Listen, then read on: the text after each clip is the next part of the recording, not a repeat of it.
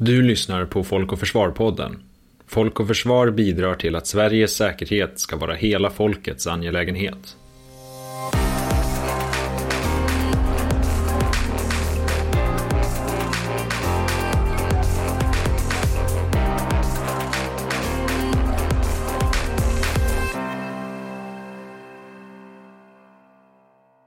Det är svårt att ta miste på elektricitetens betydelse för ett liv i dagens Sverige. Vi använder oss av el för att hålla oss mätta, varma, kalla, friska, rena, informerade och roade.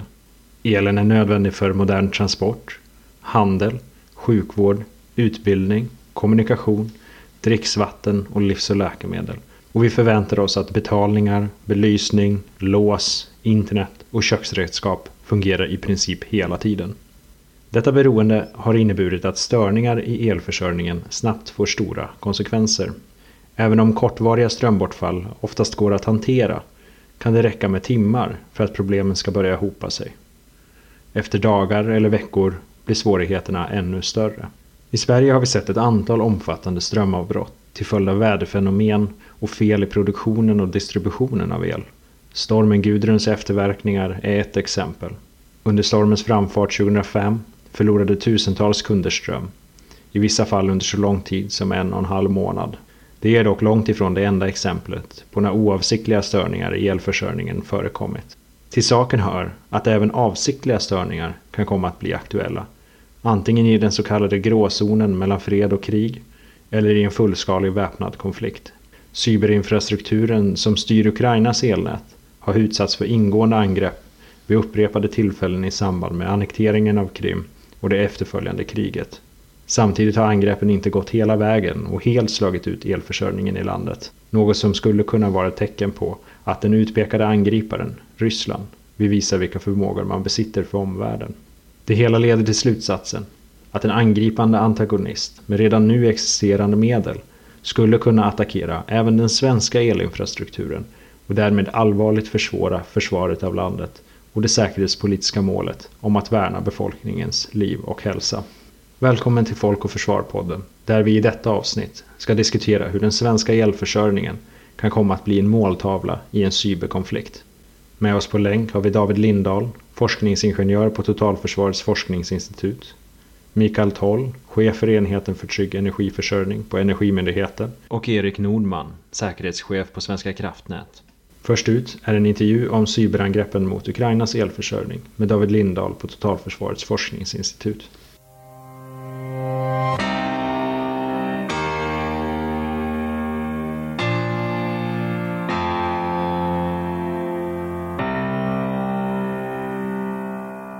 I samband med den väpnade konflikten i Ukraina genomfördes ett antal cyberangrepp på landets elnät, vilket fick omfattande strömavbrott till följd. Hur fungerade dessa angrepp?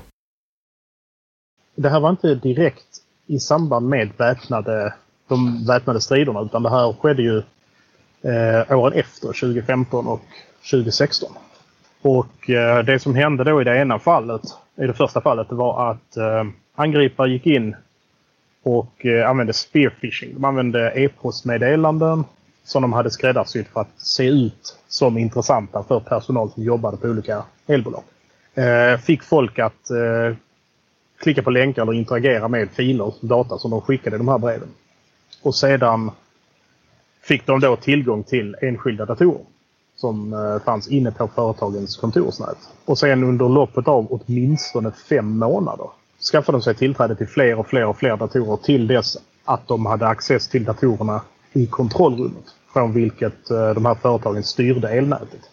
När de väl hade det så använde de helt enkelt datorernas styrprogram. De använde styrprogrammen som de är tänkta att använda och helt enkelt klickade på länkar eller klickade på de knappar som styrde eh, understationer för ström. Och sen stängde de av nätet. Och eh, stängde av strömmen för ungefär en kvarts miljon människor. Och så hade de förberett innan med att ladda upp eh, raderingsprogram som de aktiverade. Så att när de hade använt datorprogrammen, styrsystemen och det var nedstängt så aktiverade de raderingsprogram.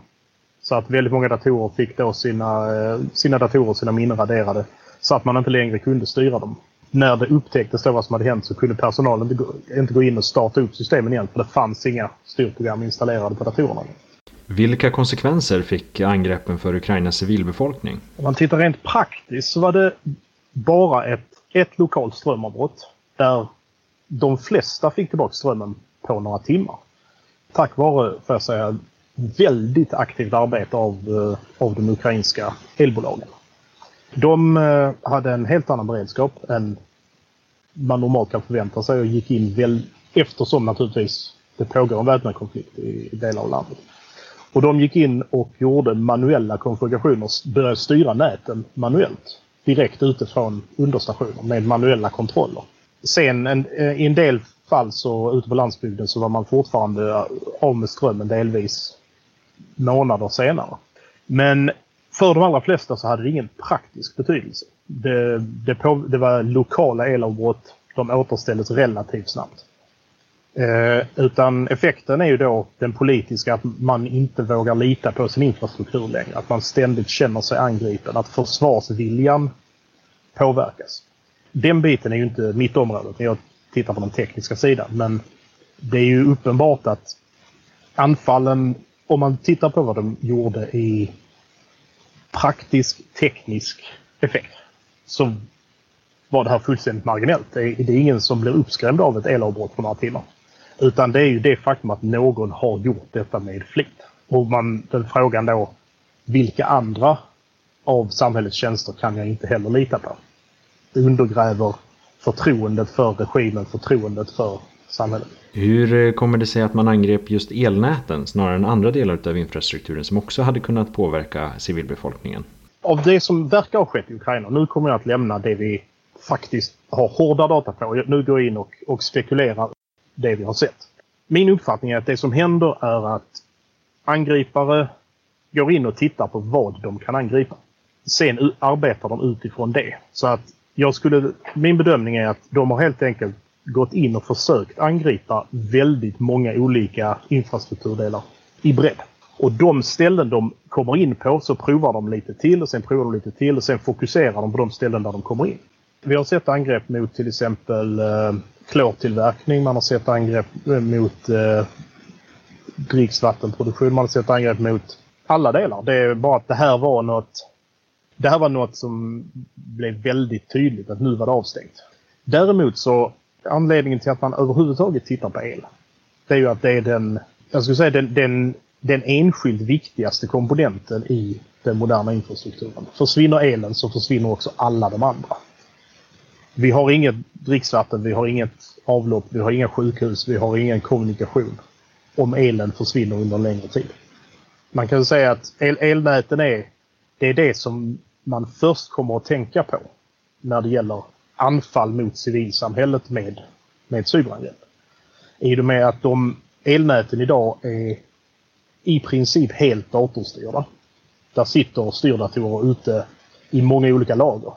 Och det är något som är så pass viktigt för samhället att man vet att det känns som man slår av det.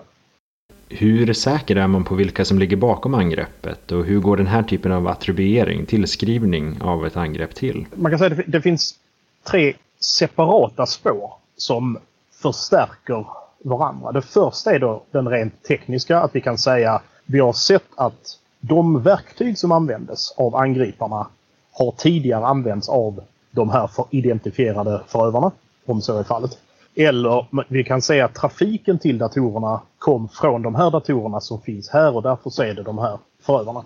I de flesta fall dock så innebär det att det vi gör är att vi säger de här verktygen liknar angreppen som har gjorts tidigare i de här och de här och de här fallen. Men vi vet inte vem som har gjort de angreppen heller. Men vi tror att det är samma grupp eller åtminstone de som har tillgång till samma verktyg. Och om alla angreppen ser ut att motsvara de strategiska intressena av någon, då attribuerar man det till dem. Så man kan säga att det är väl den minst säkra attribueringen. Det andra är ju då, vad vet underrättelsetjänster? Och där är det, det, på senare tid så har det oftast varit de som har gått ut och sagt, det är FBI som går ut och säger vi vet att det är de här individerna och vi har byggt ett åtal mot dem. Som i fallet när eh, iranska hackers blev anklagade för att ligga bakom anfallet i Atlanta. Där FBI och Interpol gick ut och sa att vi, vi har tillräckligt mycket för att ta det här till domstol. Vi har så mycket bevis. Och i det fallet så har du hela en kriminalapparat som har arbetat med att identifiera det eh, baserat då på transfer av eh, pengar och, eh, och så vidare. Men den sista kategorin det är ju egentligen vem gynnar det? Att man helt enkelt tittar på i Ukraina. Vem, är, vem gynnas av att hålla Ukraina destabiliserat? Och där har man ju i princip, du har eh, de som vill att östra Ukraina ska bli en egen stat.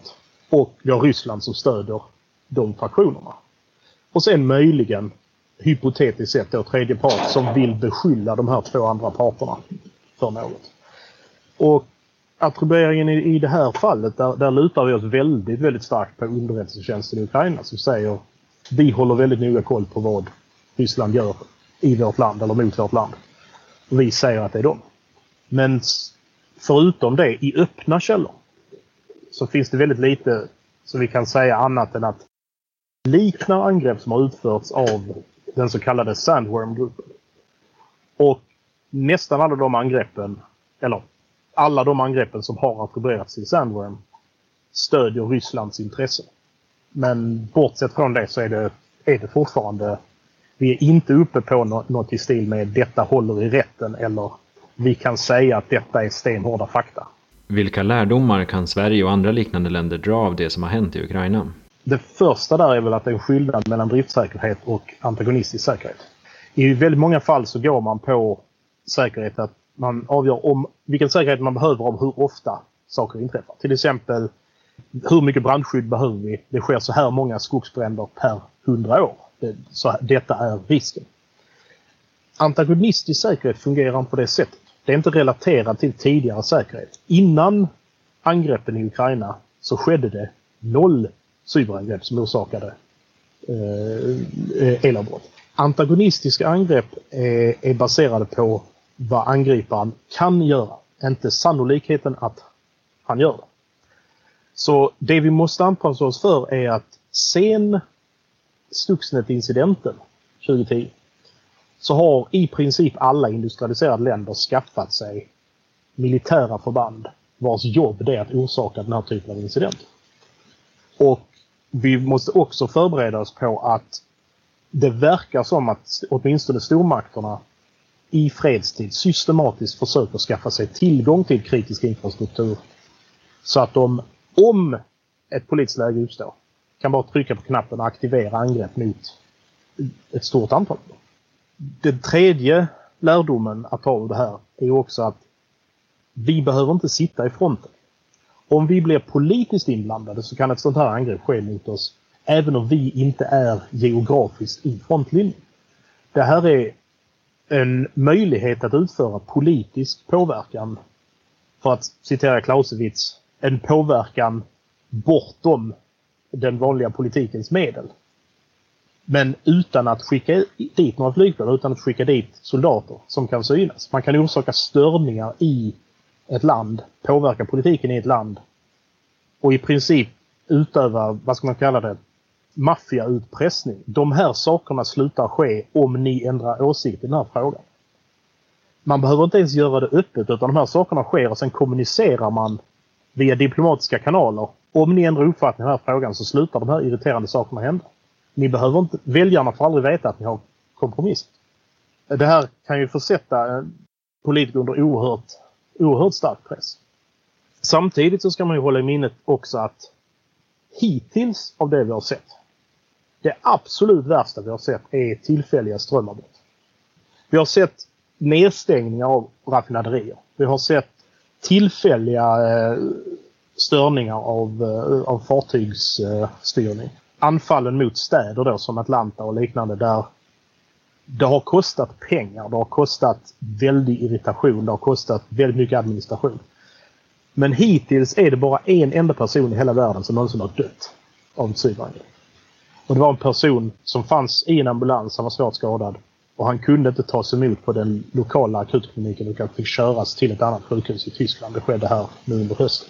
Så om det är så att det här är det värsta man kan göra, då är det här ett irriterande medel. Det är ett sätt att skapa friktion i ett samhälle. Men det är inte i närheten av konsekvenserna från ett konventionellt angrepp, militärt angrepp Det är inte i närheten av, säg covid-epidemin med hundratusentals döda. Så erfarenheterna hittills säger att vi ska vara rädda för det här. För att det är något som kan kosta massor av pengar. Det kan orsaka friktion i samhället. Det kan orsaka politisk spänning och liknande. Men det, det vi har sett hittills så är det inte på något sätt i närheten av militära angrepp. Även om det är så, vad kan Sverige göra för att stärka motståndskraften mot den här typen av angrepp? Det första är internationellt samarbete. Vi får komma ihåg det att i Sverige till exempel så har vi ju bara en privat infrastruktur i princip. Om vi lägger samhällsansvar på telebolag eller elbolag och säger ni ska stå pall för statsmakter. Då måste vi ge dem resurser för det. Om vi ställer krav på dem och andra länder inte gör det, då kommer vi bara se till att vi inte längre har några svenska elbolag. För då kommer vi att bara då kommer vi få billigare el från Tyskland. Vi som jobbar inom sig, vi, vi gillar säkerhetsåtgärder. Right? Men vi får ju komma ihåg att säkerhetsåtgärder kostar pengar och de stör arbetet. Om, om jag tvingar alla mina arbetare att ha på sig full hockeyutrustning hela tiden för att de inte ska slå sig. Så kommer de att bli överhettade, de kommer att jobba sämre. Man får försämringar. All säkerhet kostar pengar. Om vi vill kunna lita på våra elnät, då måste vi se till att resurserna finns för att säkra upp dem. Och jag skulle säga att det här eh, cyberförsvarsfrågan, det måste upp åtminstone på EU-nivå. Vi måste hitta standarder. Det måste finnas best practices. Vi måste bygga en helt annan typ av utbildning överallt. Om vi bara tar en sån enkel sak som en, en elcykel. Det finns monumentalt mycket mer samhällsregler för att köpa och framföra en elcykel än det finns för att installera en dator i ett kritiskt styrsystem. Och det säger lite om hur samhället ser på det här. Vad är viktigt? Vad är det man prioriterar? Här har vi vad våra politiker lägger för krut. Vilka politiska frågor de driver får ju eh, en direkt aspekt också av det här. För att det är inte som med, låt oss säga, beredskapslager. Vi säger att vi ska ha så här många ton i beredskap. Och det, de enda som behöver bry sig, det är de som sätter upp lagret och de som hanterar det. Det här är infrastruktur som är, är i drift och i ständig förändring. Om vi vill hålla, ändra en standard på infrastrukturen, då måste alla som jobbar i infrastrukturen vara medvetna om vilken standard de ska förhålla sig till. Vi måste få säkerhet, antagonistisk säkerhet som en, ett affärselement på samma sätt som man har PR, på samma sätt som man har arbetsmiljösäkerhet. Inte som en enskild post, eh, om man säger tillträdesskydd, som man kan operera separat från allt annat. Därför att datornätverken är invävda i allting. Och jag tror att vi kommer att behöva tänka på det här på, ska vi säga, tre olika parallella spår. Och det första är ju att vi måste kolla vad händer om vår infrastruktur går ner. Vi måste förbereda oss på det. Och, se, och där har det ju börjat med eh, eh Psykologiskt försvar och eh, MSB och andra har, har gått ut och sagt vi ska vara förberedda på att vårt vatten kanske försvinner, vår el kanske försvinner. Men detta måste också gälla myndigheter. Eh, att sätta krav på att en, en myndighet ska kunna hantera, fullfölja sin, sin drift utan datorer. Och det gäller sådana enkla saker som att det måste finnas fysiska blanketter. Eller om vi säger att nej men det är orimligt. Då måste vi ju gar kunna garantera att datorerna inte går ner. Och det här går hela vägen sen upp till vilket ansvar har Microsoft? Kan vi lita på att Microsoft inte går USAs intressen? Om de strategiska kablarna klipps mellan USA och Europa, hur lång tid kommer det att ta innan Microsoft får upp nya eh, nya dataservrar i Europa så man kan förnya sina licenser. Om vi inte kan förnya våra licenser så stängs alla Windows-datorer av efter ett visst antal veckor. Och det finns inget vi kan göra för att stoppa dem. Så att Microsoft måste i så fall omlokalisera eh, licensservrar hit. På samma sätt har vi de olika licensservrarna för olika typer av styrsystem. Eh, om, de, om de skulle försvinna. Så att det här är ett beroende av många olika saker. Så jag, jag, jag skulle säga att det, det, vi kommer, det kommer att krävas att frågan prioriteras både i företagen, i politiken eh, och att man lägger upp det på en internationell nivå. Alternativet är att vi fortsätter som nu och systematiskt bygger oss mindre och mindre säkra. Vilket är ett sätt att göra det på, men då ska vi vara medvetna om att då, har vi, då tar vi chansen. Vi ska nu höra från Mikael Toll på Energimyndigheten om deras syn på frågan om energiförsörjning och cyber.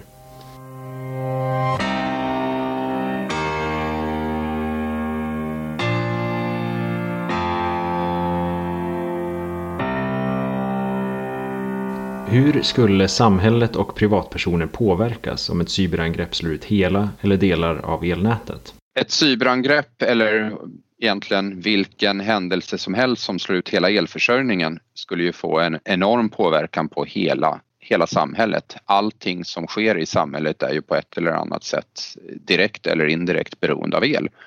Och har vi inte el genom det nationella el, elnätet, elsystemet, ja men då då har vi inte el. Då, och då påverkas alla. Och det är väldigt mycket verksamheter som inte kommer kunna bedrivas under de former som man är van vid. Vissa verksamheter, samhällsviktiga verksamheter, har ju alternativlösningar. Men eh, många av de samhällsviktiga verksamheter och andra verksamheter som ju skulle behöva ha långsiktiga alternativlösningar kanske inte riktigt har en sån dimensionering i sin alternativa försörjning så att man kan bedriva den verksamhet som vi normalt sett är vana vid. Så det här är ju ett, ett väldigt stort och ganska otrevligt scenario som du målar upp. Vilka åtgärder kan komma att sättas in för att möta ett sådant avbrott? Ja, vi får ju skilja på motåtgärder för att försöka motverka ett angrepp och åtgärder för att hantera konsekvenserna av en störning. Och det är klart att alla resurser som finns i samhället kommer sättas in i ett sånt här tillfälle att försöka eh, bygga upp elsystemets kapacitet förmåga igen. Men eh, samtidigt är det ju väldigt många som drabbas. Egentligen hela samhället som drabbas. Och där är det ju den eh, lokala krisberedskap som har skapats innan i kommuner, hos enskilda elanvändare, hos mig som privatperson och det är ju den den beredskapen på något sätt som utgör grunden för hur väl man kan hantera de konsekvenser som ett elavbrott innebär. Hur sårbar är den svenska elinfrastrukturen för cyberangrepp? Utan att gå in på detaljer, för det vore olämpligt och kanske inte heller min roll från Energimyndigheten att göra, så kan vi ju se från internationella incidenter och, och alltså publikt kända händelser att elinfrastruktur kan drabbas av cyberangrepp. Eh, och det kan få väldigt stora konsekvenser och därmed drabba både, både infrastrukturen i sig men också det infrastrukturen ger i, i form av nytta till samhället, det vill säga att elen används ju någonstans. I och med att det kan hända, det har hänt, eh, så kan det ju också hända i, i Sverige. Och det är ju någonting då som vi alla behöver eh, jobba långsiktigt och målmedvetet på att minimera både sannolikhet och konsekvens av. Hur är det svenska elnätet uppbyggt och hur påverkar själva strukturen eventuella sårbarheter i systemet? Först tänker jag att det kan vara värt att tänka på att el är ju mer än elnät. El är elproduktion, el är, handel, el är givetvis elnät och elnät finns lokalt och och nationellt. Men vi har ju också ett, ett ett elsystem som är sammankopplat internationellt med våra grannländer. Det är eh, ett, ett stort sociotekniskt system där det ju är teknik, det är juridik, det är många olika aspekter som påverkar elförsörjningen och elförsörjningens förutsättningar. Och en del av de här länkarna i den stora kedjan så att säga är sårbara och andra är ganska robusta. Men varje kedja har ju sin svagaste länk och, och så gäller ju även då elförsörjningen att det finns ju olika länkar som eh, är, är mindre starka än de andra. Och det är givetvis om man vill någon Sverige, om, om någon vill Sverige illa och man vill använda elförsörjningen för att påverka så kommer man ju försöka leta reda på de svagaste länkarna. Och stora sociotekniska system som sträcker sig över hela landet, ja, men det, det säger sig själv, det finns svaga länkar. Och samtidigt så finns det då väldigt många som jobbar för att de svaga länkarna ska vara så få som möjligt och eh, bli så robusta som möjligt. Men det är ett ständigt pågående arbete. Hur påverkar introduktionen av ny teknik möjligheterna för oss att hålla elnätet säkert? Till exempel smarta elnät eller hos privatpersonen the Internet of Things. Ny teknik eh, introduceras ju för att det gör saker mer effektivt. Eh, det gör saker i bästa fall då bättre. Så att det finns ju en, en drivkraft hela tiden att introducera ny teknik, smarta mätare, bättre styr och reglersystem, eh, fjärrstyrning, uppkopplingar och liknande. Men det som gör oss framgångsrika har ju också en, en möjlighet att göra oss mer sårbara. Och så är det ju egentligen med, med all introduktion av ny teknik om man inte använder den smart och genomtänkt. Så att själva kärnan i det här handlar ju om att medvetet introducera nya möjligheter. Fundera på innan man gör det. Vad innebär det för fördelar? Vad innebär det för risker? Och sen försöka motverka de riskerna som skulle kunna uppstå så att man inte bygger in dem när man introducerar ny teknik. Och det här är ju eh, någonting som berör egentligen alla. Från lagstiftaren till, eh, till teknikern som, eh, som gör själva Eh, den tekniska installationen. Och, och, här handlar det ju väldigt mycket om en medvetenhet i, i, i, alla delar av det här stora systemet. Alla behöver vara medvetna om att det finns risker, det finns en hotbild och att man är en, en liten kugge i ett större system och att man då försöker motverka med de förutsättningar man själv har och de beslut man själv gör och, och den information man själv sitter på. Att eh, de riskerna motverkas.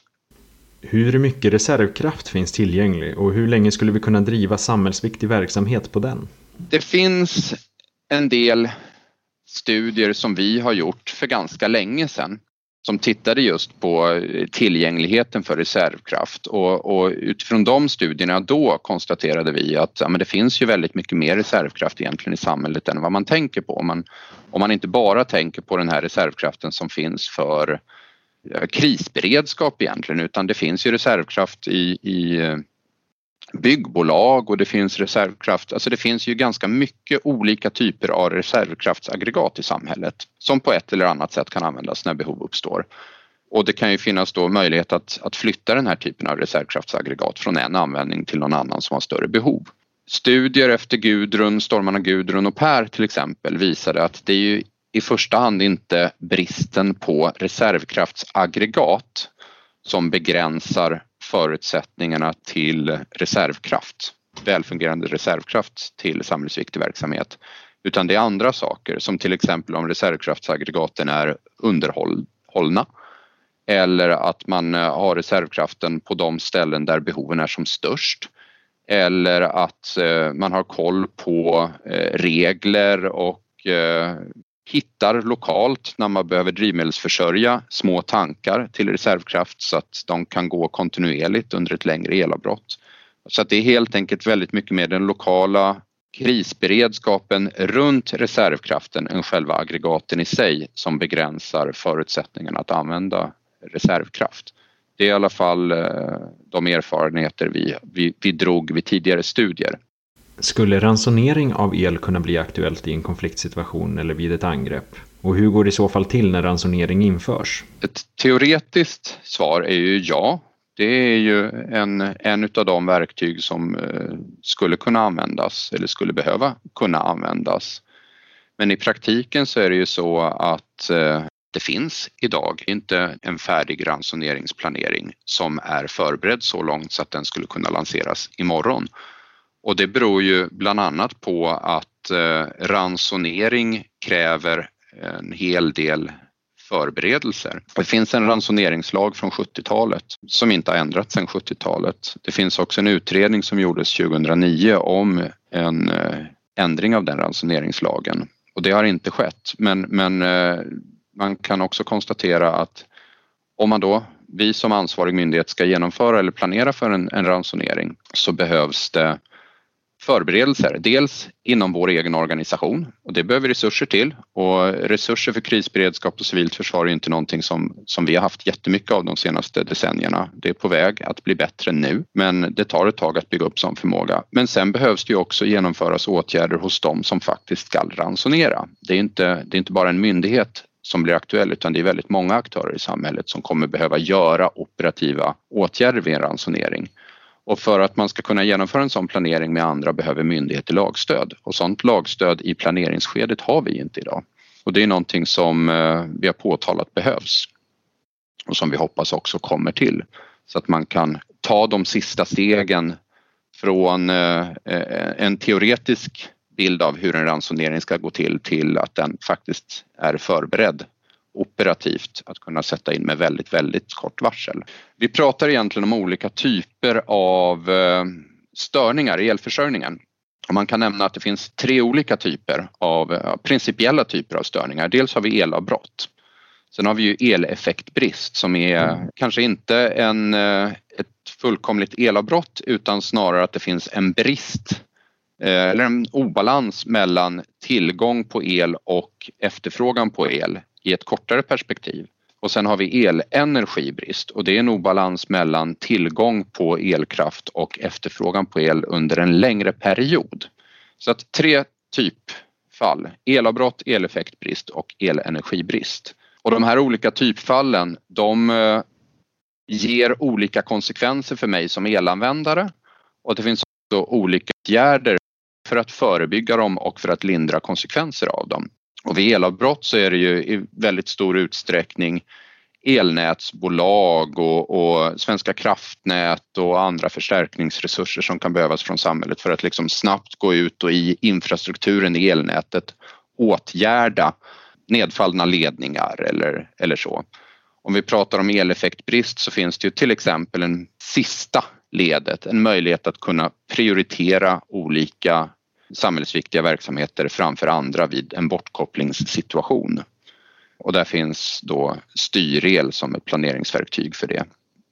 Och pratar vi om elenergibrist, ja men då är det förbrukningsdämpande åtgärder över en längre tid där ransonering blir den, den mest extrema åtgärden.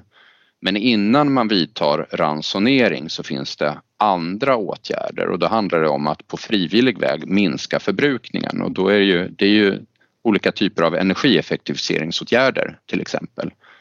Eller att eh, man säger till till exempel statliga myndigheter och andra verksamheter att försöka att minska er elanvändning nu. Och sen i slutändan så kan man då tillgripa ransonering som en åtgärd. Och hela det här paketet med förbrukningsdämpande åtgärder det har vi, har vi jobbat med hur det ska se ut under väldigt lång tid och det är förberett ganska mycket men det finns alltså det sista steget i en operativ förberedelse kring ransonering. Det är där vi behöver en planeringslagstiftning för att kunna komma vidare.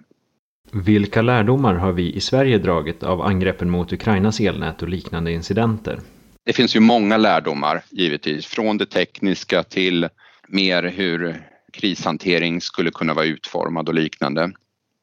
Men en lärdom som man skulle kunna lyfta här är ju att vi måste ha en robusthet i vardagen. Det är, det är vardagen så att säga, alltså det är den, den förmågan vi har i vardagen en, en helg i september eller nyårshelgen eller något annat. Det, det är den förmågan som vi har där och då som på något sätt blir den förmågan som möter cyberangreppet eller möter det väpnade angreppet. Vi går ju inte från en vardagsförmåga till att vi säger att ja, nu är vi inne i en, en gråzonsproblematik eller nu är vi inne i en, en höjd beredskapsläge och därmed så finns det andra resurser som vi sätter till utan det är vardagens förmåga som på något sätt behöver vara dimensionerad för att möta hybridhoten. Och vi behöver alltså ha den här robustheten i infrastrukturen redan idag, redan, eh, redan under en vardagshelg. Och det är ju egentligen själva grundtanken med utvecklingen av ett civilt försvar, att vi behöver ha ett, ett robust civilt försvar som skapar en tröskeleffekt. Och vi behöver ha just den här förmågan att möta hybridhoten i vardagen och inte tänka att det är först vid en höjd beredskapssituation som vi behöver ha dimensionerat upp och det här påverkar ju hur vi ska utveckla hela samhället i den här samhällsreformen civilt försvar som vi har framför oss de närmaste decennierna. Poddens sista intervju är med Erik Nordman på Svenska kraftnät och den handlar om deras roll i elberedskapen.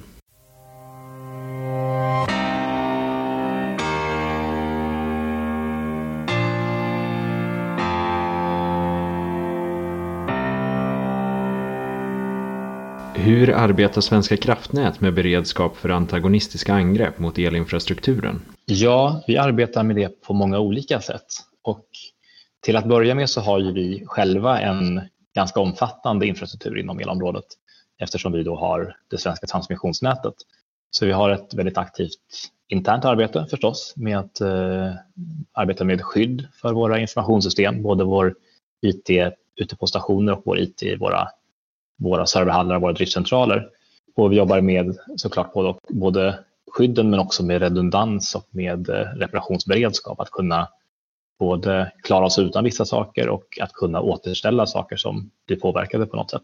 Men sen har vi också ett ganska omfattande externt uppdrag. Vi är eh, Sveriges elberedskapsmyndighet, eh, vilket, ansvar att vi, vilket innebär att vi har ett särskilt ansvar för elberedskapen hos elförsörjningens aktörer, alltså elbolagen och vi är också tillsynsmyndighet för säkerhetsskydd. Så inom ramen för de uppdragen så jobbar vi mycket mot elsektorn i stort. Vi jobbar med vägledning. Vi har till exempel en eh, särskild cybersäkerhetsutbildning eh, för IT-säkerhet i de här industriella styrsystemen till exempel. Så vi har ganska mycket utåtriktad verksamhet också. Den svenska elmarknaden består av många aktörer. Hur ska man kunna bygga beredskap med så många inblandade intressenter? Jag tror en del, det är att det finns ett bra stöd och en bra styrning från oss och från andra myndigheter som har en särskild roll där. Vi har ju en roll som sagt inom elberedskap och säkerhetsskydd och eh, det är ju ett sätt att, att skapa förutsättningar för samverkan i att det stödet och den styrningen är, är bra och ändamålsenligt. Och, och vi har ju andra myndigheter som har andra roller, till exempel Energimyndigheten kopplat till, till eh, NIS-direktiv och till informationssäkerhet utifrån den lagstiftningen som också eh, förstås arbetar med, med stöd och styrning inom sitt område. Sen tror jag att det man måste försöka få till det är samarbete både i vardagen och när någonting händer. Så att man, man känner varandra, man är van att dela information, man är van att dela erfarenheter. Det tror jag är en väldigt stor del av att få till en god beredskap i sektorn. Vilken roll skulle Svenska kraftnät ha om Sveriges elinfrastruktur drabbades av cyberangrepp? Ja, till att börja med så beror det på var i elsystemet angreppet kom. Om det är ett angrepp som på något vis berör våra egna system eller vår egen infrastruktur, ja, då har vi såklart en väldigt stor roll i att åtgärda och hantera just, just den händelsen hos oss, den incidenten. Då. Om det händer hos någon annan aktör, hos någon av de stora nätbolagen eller någon av de stora kraftproducenterna till exempel, ja, då har inte vi någon operativ roll att hantera den händelsen. Men i praktiken så skulle vi troligtvis ha en roll att kanske kunna Eh, erbjuda expertis och stöd för den aktören som ska hantera händelsen. Och vi kan också vara en, en kontaktpunkt mellan den som är drabbad och andra delar av myndighetssverige i vissa, i vissa delar. Eh, vi har ju väldigt nära samarbete med till exempel Säkerhetspolisen, till exempel Myndigheten för samhällsskydd och beredskap och där skulle vi kanske också kunna vara, vara en part som hjälper till att få till det samarbetet mot den som är drabbad och förmedla ett stöd den vägen. Hur skiljer sig hanteringen av och beredskapen för avbrott som beror på antagonistisk verksamhet, till exempel cyberangrepp, och avbrott som beror på andra orsaker? Eh, det kan ju i vissa fall vara så att händelserna är väldigt lika varandra. Eh, att det, det kan vara både väderfenomen eller, eller en terrorattack eller någonting annat antagonistiskt som slår ut någon viss del av elsystemet. Men en direkt skillnad som jag ser det är att ett antagonistiskt angrepp kan ju komma att ha mycket större konsekvenser. Eh, det är mycket tänkbart att en antagonist eh, försöker sikta in sig just där skadan blir som störst. Lite beroende på vad de har för motiv såklart. Men, men det är klart att en antagonist kommer kanske försöka hitta de här sårbara delarna där man får, får stor konsekvens för den, eh, den insats man gör. Så det är väl en, en skillnad. Och sen tänker jag att en annan skillnad är väl också vilken typ av samarbeten man måste få till i hanteringen när det är en antagonistisk handling, ja, då kommer eh, våra säkerhetsmyndigheter få en helt annan roll såklart. Och eh, även den allmänna polisen, eh, öppna polisen, kommer ha en, en annan roll än vad man har om det är till exempel väderfenomen eller handhavande fel som är bakom en störning. Hur påverkar elnätets struktur eventuella sårbarheter i systemet? Ja, vi har lite speciella förutsättningar i Sverige jämfört med en del andra länder nere på kontinenten till exempel.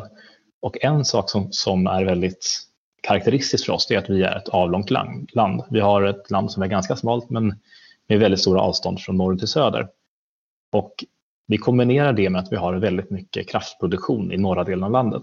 Vi har vattenkraften som är en väldigt stor del av vår produktion och eh, en väldigt stor del av vindkraften som byggs byggs också i norra Sverige.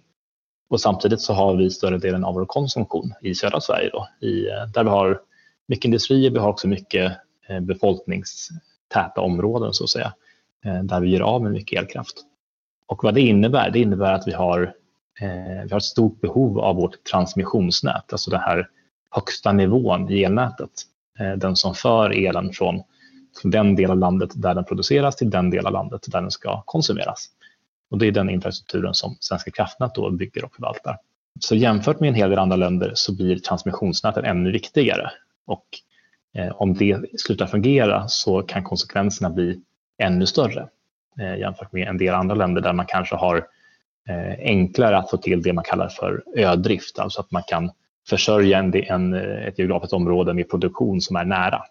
Vilka lärdomar kan Sverige och andra liknande länder dra av de cyberangrepp som skedde mot elinfrastrukturen i Ukraina för några år sedan? Jag tror att händelsen i Ukraina blev för många en sorts väckarklocka. Man kan säga att det har ju pratats länge och spekulerats länge om den typen av attacker. Att IT-attacker numera har potential att påverka kritisk infrastruktur direkt. Att man kan få påtagliga konkreta fysiska konsekvenser eh, av IT-attacker på olika sätt. Men det har funnits ganska få konkreta sådana exempel och det här var ett väldigt tydligt konkret exempel på att det här det är en verklighet som vi lever i nu. Det här är saker som faktiskt kan inträffa. Så jag tror att eh, den, den signal som det har skickat till infrastrukturägare och, och de som arbetar med de här frågorna, eh, den har varit väldigt stark. Infrastruktur baseras delvis på hård och mjukvara som är specialiserad för just den sektorn. Men också av program och enheter som bygger på teknik som är tillgänglig för allmänhet, företag och andra stater, till exempel Microsoft Windows. Kan det innebära sårbarheter och hur undviker man i så fall dem? Det är helt korrekt att även, även vår bransch, som ju är ganska specialiserad på många sätt, men även i vår bransch så använder man utrustning och programvaror som är som man brukar säga off the shelf, alltså kommersiella produkter som har många användningsområden. Och det gäller ju både hårdvara och mjukvara. Och det har både för och nackdelar skulle jag säga.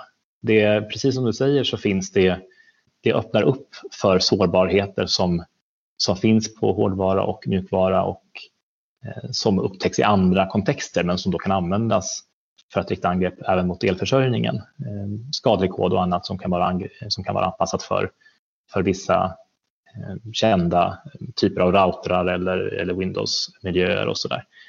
Å andra sidan så finns det också en effekt av att de här programvarorna och hårdvarorna som, som är välkända och brett kommersiellt spridda, de har ju också återkommande patchningar, säkerhetsuppdateringar och så vidare. Och det är någonting som man kan ha mindre av om man har väldigt specifik hårdvara eller mjukvara som, som inte används i bredare sammanhang och som kanske i, viss tid, eh, i vissa fall lever över väldigt lång tid. Så jag tror att det finns effekter åt båda, båda hållen där. Och då blir utmaningen det blir att se till att man har rätt skydd i steget innan så att säga. Har man liksom välkända routrar eller, eller mjukvaror som har en del i en väldigt kritisk infrastruktur, ja, då behöver man ha väldigt goda, väldigt goda skyddsmekanismer stegen innan. Du har lyssnat på Folk och Försvar-podden. Podden är skapad av Daniel Kjellén. För att ta del av mer av vår verksamhet, besök vår hemsida www.folkochforsvar.se